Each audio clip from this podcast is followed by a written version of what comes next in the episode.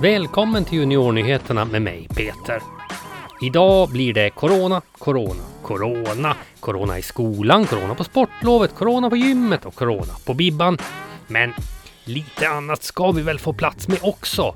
Körkort, stulna bilar och vem är det som ror och ror men aldrig kommer till stranden? Ja, allt det här ska vi få svar på i veckans Juniornyheter. Vi ska börja med att många barn nu har fått Corona. Och eh, om ni kommer ihåg så rapporterar vi ju här förut att under eh, 2020 eh, var det inga barn under 11 år som fått Corona och nästan inga under 15 år heller. Vi har pratat med Jon Nagamori som är doktor för att fråga hur orolig ska man vara som barn då för att få Corona? Jag tycker inte att man som barn behöver vara särskilt orolig för att bli smittad av det här viruset. Eh, vi vet att det här viruset eh, är värre för äldre och eh, därför är det ju viktigt för alla ålänningar att eh, man är noga med att hålla sådana här renhetsrutiner för att inte sprida smittan vidare. Men som barn skulle jag inte vara särskilt orolig för min egen del vad gäller det här viruset. Och det är just för att barn ofta inte får symptom?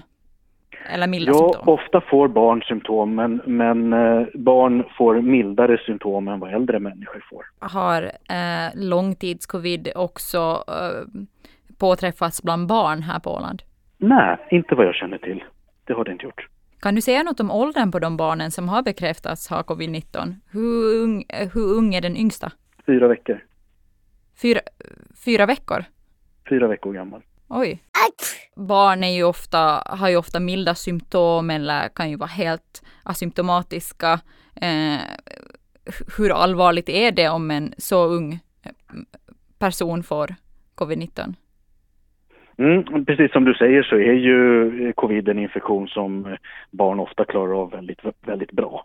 Eh, de, vi har ju som sagt flera fall av barn som har, har den här infektionen och eh, föräldrarna och barnen är helt ovetande om att barnet har det här. Man har så lindriga symptom att det inte ens har märkt.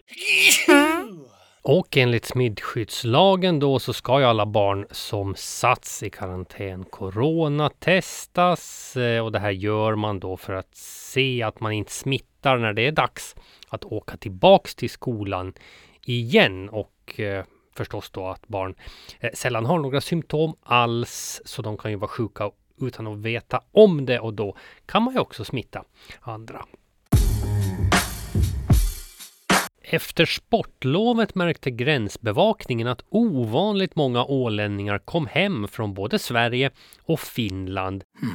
Och det här märktes i skolorna under veckan. Flera elever insjuknade i Lämlands skola. Alla de hade dock insjuknat på sportlovet så att det blev inga eh, problem i övrigt i eh, den skolan. Flera familjer har också begärt ledigt för att både sitta i karantän eller då för att de eller deras föräldrar kanske är oroliga för coronan och hellre eh, håller dem hemma. Så här säger rektorn i Jomala. Vi, vi har ungefär 15 familjer som har begärt att, att, att få hålla sina, sina barn hemma. Det är precis på samma sätt som att man, man begär ledigt för att åka på en resa eller eller, eller att, att, att, att barn är sjukt och, och, och, och är hemma därför. Eh, men, men är det så att lärare också har eh, begärt ledigt? Nej, vi har inga lärare som har begärt ledigt i Jomala. Den som har symptom ska inte komma till skolan. Nej. Eh, det är tydligt, det direktivet. Det är centralt också. Har vårdnadshavare förstått allvaret med det här då skulle du säga? Jo, det, det tycker jag de har nog förstått allvaret och håller sina barn hemma om, om det är någon som är sjuk. Så att där, där, där har vi nog inte eh, någon utmaning alls, utan gott samarbete. En annan krånglig grej för ungdomar är att det är svårt att få praktikplats eftersom olika jobb inte vill ha in nya personer som riskerar att smitta andra. Det här har mest varit ett problem för, för yrkes och lusse och sådana skolor och kanske inte ett lika stort problem för högstadiet. Eh, där har man troligen mer märkt av att all hobbyverksamhet har ställts in. Ingen fotboll, eller dans eller simning eller vad helst man nu kan ha för hobby. Fågelskådning kanske. Fast där är det förmodligen inget problem för där kan man ju titta på fåglar alldeles ensam förstås. Och utomhus. Mm, bra hobby.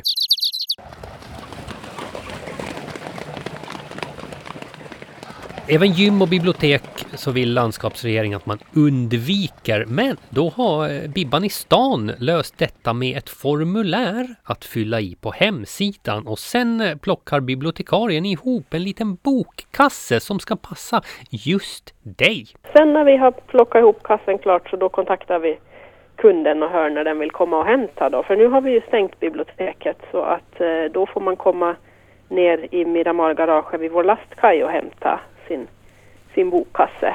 Okej. Mm, så, så, så fungerar det nu då. Så, så ni står i, i mörkret i ett, i ett garage eh, och, och langar böcker? ja, det blir, blir en extra spänningsfaktor där. Ja. ja. Nej, vi har, vi har nog bra belysning nere i vårt garage så att det, det är, är nog tryggt att hämta.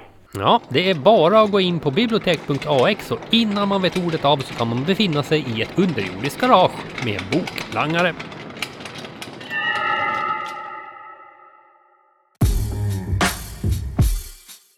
Goda nyheter dock att om allt går som det ska så kommer det mera vaccin till Finland inom kort och då kan man öka vaccinationstakten redan i april. Nu lämnar vi coronan för denna gång och vänder oss istället mot Gud.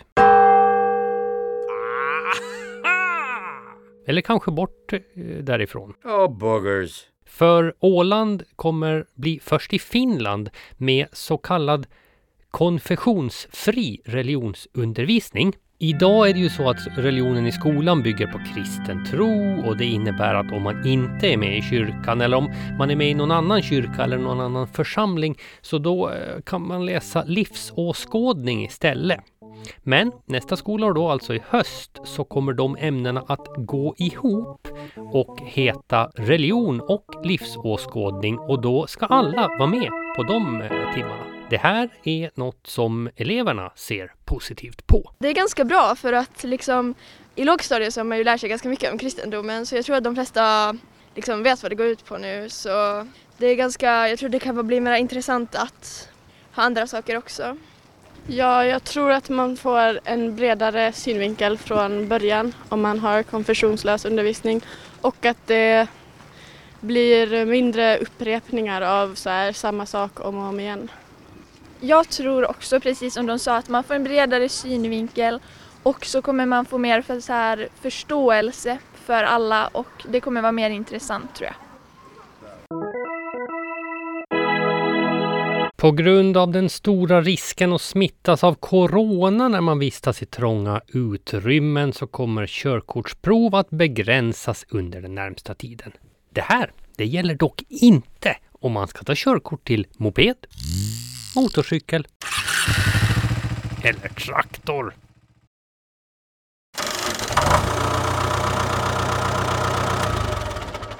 Och på tal om körkort. Det är inte ofta som bilar blir stulna på Åland, men förra veckan hände det två gånger. Bilarna har dock hittat hem igen. Den första hittades redan förra fredagen och den andra någon dag senare på en parkeringsplats i Mariehamn. Polisen kunde lämna tillbaks båda bilarna till sina rätta ägare. Och till sist ger vi oss av till skärgården där underliga saker hända än i våra dagar minsann. En roddbåt gav sig ut på Injöfjärden, alltså typ utanför Brände någonstans. Eh, och överraskades då av stark vind så att eh, de som rodde båten inte kunde ro i land igen. Det här resulterade i att Viggen, alltså den skärgårdsfärja som går från Brände över till finska sidan, den fick rycka ut och agera räddningsbåt. Den vanliga räddningsbåten den hade nämligen eh, lite problem med att det låg så mycket is där den var så att den kom inte iväg. Allt gick bra, alla kom ombord och trafiken kunde återgå till turlistan igen. Snipp, snapp, snut. Så var veckans juniornyheter slut.